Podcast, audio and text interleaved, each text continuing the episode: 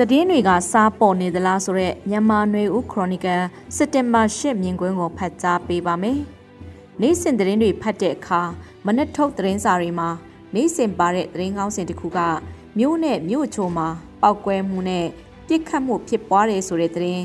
ဘယ်မြို့နဲ့ဘယ်ကျေးရွာမှာဘယ်နှစ်ရက်အတွင်းသုံးမဟုတ်ဘယ်နှစ်လအတွင်းနေအိမ်ဘလောက်မိရှုခံရတယ်ဆိုတဲ့သတင်း ကျေးရွာဘယ်နေရွာကလူဦးရေဘလောက်ထွက်ပြေးတိမ်းရှောင်နေကြရတဲ့ဆိုတဲ့သတင်းဘယ်ရွာဘယ်မြို့မှာသတင်းပေးဆိုသူရာအိမ်မှုရက်ကွက်ကျေးရွာအုပ်ချုပ်ရေးမှုပြစ်တက်ခံရတယ်ဆိုတဲ့သတင်းကုန်ပစ္စည်းတွေဈေးဘလောက်တက်တယ်ဆိုတဲ့သတင်းတွေနေ့စဉ်ထုတ်သတင်းစာအွန်လိုင်းကသတင်းဌာနတွေကသတင်းတွေရဲ့80ရာခိုင်နှုန်းလောက်ကိုနေရာယူထားတာတွေ့ရပါတယ်။ဘယ်မြို့ဘယ်နယ်မှာပြစ်ခတ်မှုပောက်ကွဲမှုဖြစ်ပွားတယ်ဆိုတဲ့သတင်းတွေမှာလည်းဘယ်သူတွေကပြစ်တာလဲ ဘယ်သူကဖောက်ခွဲလဲဆိုတဲ့အချက်လက်တွေမပါရှိတော့ပါဘူးပြစ်ခတ်မှုဖြစ်တဲ့သတင်းမှာလည်းပြစ်ခတ်တာဘေးအခွဲကဖြစ်နိုင်တယ်လဲဆိုတာလည်းမပါဝင်သလိုဘေးအချိန်နာရီတွေလည်းမပါရှိတော့ပဲနေရတာပါရှိလက်ရှိပါတယ်ဆိုလိုချင်တာကပြစ်ခတ်တဲ့ဖောက်ခွဲတဲ့လက်တဲ့အဖွဲ့အစည်းကသတင်းဖတ်သူအားလုံးနားလည်ထားပြီးဖြစ်တယ်ဆိုတဲ့သဘောမျိုးဖြစ်သလိုတစ်ဖက်မှာလည်းဘေးအဖွဲ့အစည်း ဘယ်သူကပြစ်တယ်ဖောက်ခွဲတယ်ဆိုတာစုံစမ်းဖော်ထုတ်တဲ့အချက်လက်တွေမဟုတ်ဘူးလို့သတင်းသမားတွေကနားလည်ယူဆထားကြပြီးမစုံစမ်းတော့ပဲဖြစ်တယ်ဆိုတဲ့အချက်လက်ကိုသာဖော်ပြကြတော့တဲ့သဘောမျိုးဖြစ်လာတာပါအလားတူသတင်းပေးဆိုသူရာအိမ်မှုရက်ွက်သုံးမဟုတ်ကြေးရွာအုပ်ချုပ်ရေးမှုတွေပြစ်တက်ခံရတဲ့သတင်းတွေမှာလည်းသတင်းပေးဟုတ်ချင်းမဟုတ်ချင်းစသည့်အကြောင်းအချင်းအရာကိုသတင်းသမားအနေနဲ့လဲစုံစမ်းအတည်ပြုတာတွေလုံးလည်မရှိတော့ပဲ သတင်းရင်းမြစ်ဖြစ်သူကပြောတဲ့အတိုင်းဖော်ပြကြတာမျိုးဖြစ်ပါတယ်။များသောအားဖြင့်သတင်းရင်းမြစ်တွေကအဖြစ်ပြက်မှာပါဝင်ပတ်သက်သူတွေဖြစ်လက်ရှိပြီးသတင်းရင်းမြစ်ကလွတ်လပ်တဲ့တတိယလူအနေအထားမျိုးမဟုတ်ကြတာကြောင့်ဘက်နှစ်ဖက်မှာတစ်ဖက်ဖက်ကပါဝင်ပတ်သက်နေသူကပေးတဲ့သတင်းတွေကိုဖော်ပြနေကြတာမျိုးဖြစ်ပါတယ်။စစ်တပ်အာဏာသိမ်းပြီးနောက်မှာကန့်သက်မှုဖိနှိပ်ချုပ်ချယ်မှုတစ်ဖက်သက်အပြစ်ပေးမှုတွေစစ်တပ်ရဲ့ဩဇာလွှမ်းမိုးထားတဲ့တရားရုံးတွေနဲ့ တာဝန်ခံစရာမလိုတော့တဲ့အများနဲ့ဆိုင်တဲ့အဖွဲ့အစည်းတွေအများစုဖြစ်လာတာကြောင့်သတင်းမီဒီယာတွေအနေနဲ့လည်းသတင်းအချက်လက်စုံလင်အောင်မင်းများဖို့ခက်ခဲလာသလိုတစ်ဖက်မှာလည်းနိုင်ငံရေးရည်တည်ချက်ဖက်တွေတတ်မှတ်လာကြပြီးအချို့သတင်းတွေကိုထပ်ပြီးမရှာဖွေတော့တာ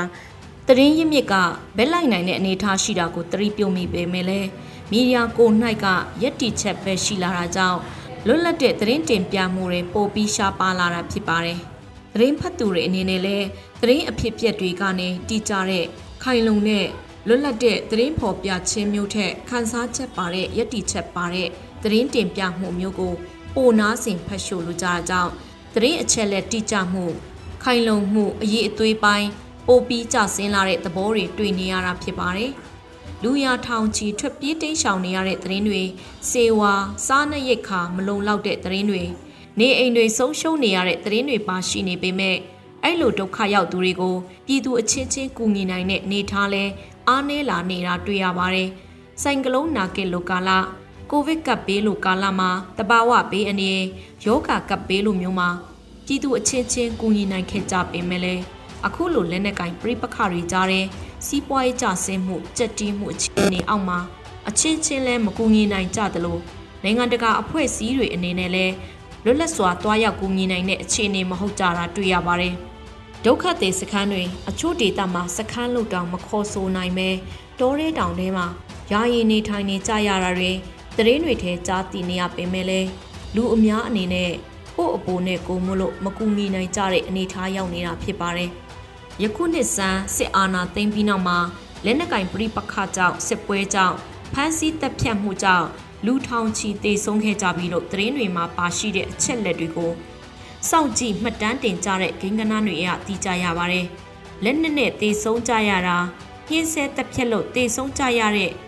ဂိမ်းကနာတွေကထင်သာမြင်သာရှိတော့လဲ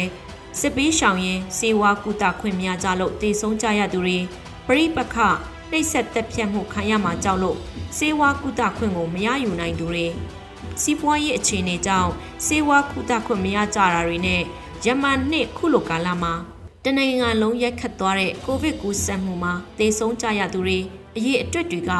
မှတ်တမ်းတင်ထားတာကောက်ယူထားတာမရှိလို့မသိနိုင်ပါဘူး။သို့ပေမဲ့ယမန်နှစ်မိုးရသည့်ကိုဗစ်ကပ်ဘေးတစ်ခုတည်းပင်တတောင်းကနမျှသောလူအသက်တွေဆုံးရှုံးခဲ့တာဖြစ်လို့အထက်ကစစ်ပေးရှောင်ရတဲ့အကျိုးဆက်လက်နက်ကင်ပြိပခရဲ့အကျိုးဆက်ကြောင့် အသက်ဆုံးရှုံးရသူအရေးအတွက်ပါပေါင်းလိုက်ရင်တောင်းကနန်းကြီးတော့မဟုတ်သိန်းကနန်းလောက်ထိရှိကောင်းရှိနိုင်တာဖြစ်ပါတယ်ဒီကိန်းကနန်းတွေကတော့မထင်ရှားတဲ့ကိန်းကနန်းတွေဖြစ်ပြီးလက်လျူရှုခံထားရတဲ့ကိန်းကနန်းတွေလို့လည်းခေါ်ဆိုကောင်းခေါ်ဆိုနိုင်ပါလိမ့်မယ်ရှင်။